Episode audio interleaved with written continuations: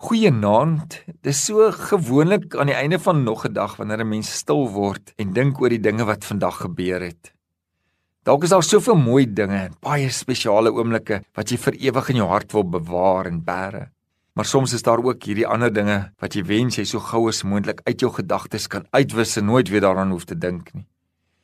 Maar ek wil jou graag so 'n bietjie op 'n reis van die liefde neem Want jy sien as daar een gedagte is wat jou kan help om van al die lelik en die seer van hierdie dag te vergeet, is dit liefde self. Soos op 'n kunstenaar se palet is daar in die lewe een kleur wat alles betekenis en diepte gee. En dis die kleur van die liefde. Die liefde waarvan 1 Korintiërs 13 praat. Maar nou moet jy weet, hierdie liefde is nie emosie nie.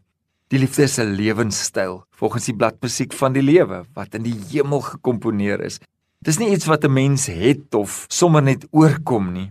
Dis 'n lewenshouding en 'n leefstyl waarvoor jy bewuslik moet kies. Jy sal onthou daar in Korintiërs 13 praat hy van ons kinders was, het ons gedink soos kinders, opgetree soos kinders, maar nou dat ons groot is, dink en doen ons dinge mos anders. Ons sien en verstaan nie nou alles mooi nie, maar eendag sal ons alles beter sien en beter verstaan. En dan kom vers 13.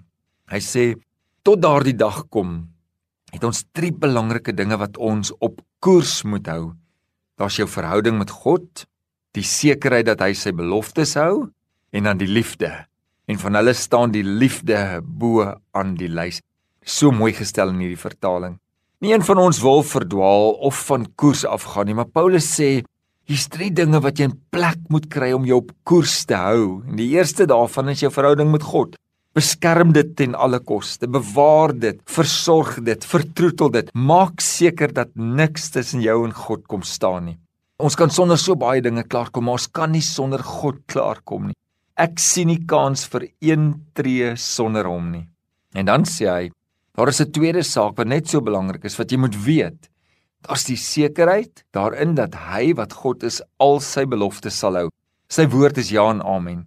Sy beloftes is waar, sy goedheid en sy guns sal ons volg al die dae van ons lewe. Jy weet en ken sekerlik 'n hele paar beloftes wat God alself oor jou lewe gesê het. Gaan lees dit weer so 'n bietjie, gaan dink so 'n bietjie daaroor, bid daaroor en dan nooi God ons ook nog om hom voortdurend aan sy beloftes te herinner. Is dit nie wonderlik nie? En die grootste hiervan is die liefde. God is liefde self. En hoe nader ons aan Jesus Christus kom en leef, hoe meer vind ons God se werking in ons lewe. Hoe meer raak dit sigbaar, hoe groter word sy krag in ons openbaar deur die Gees van God wat in my en jou woon. Moeder Teresa het gesê: "Die liefde is 'n heel jaar vrug en binne bereik van elke hand wat dit wil pluk en uitdeel." Ek wil graag saam met jou bid. Vader, gee ons meer van u liefde in ons lewe. Leer ons om onvoorwaardelik op u woord en op u beloftes te staan want u is liefde self. Amen